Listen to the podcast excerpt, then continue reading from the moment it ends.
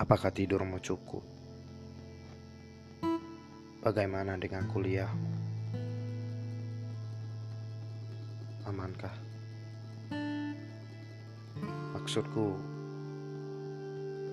mengapa sedari tadi kau menghela napas dengan berat?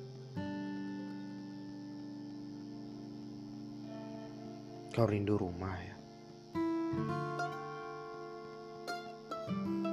Tuan, Nona, bukanlah hal yang mudah untuk berjuang di kampung orang.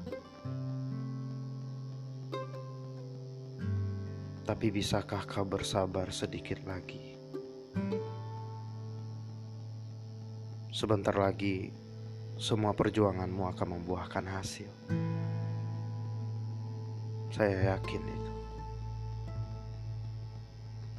Jadi, tersenyumlah. Meski ada 3001 alasan untuk menangis.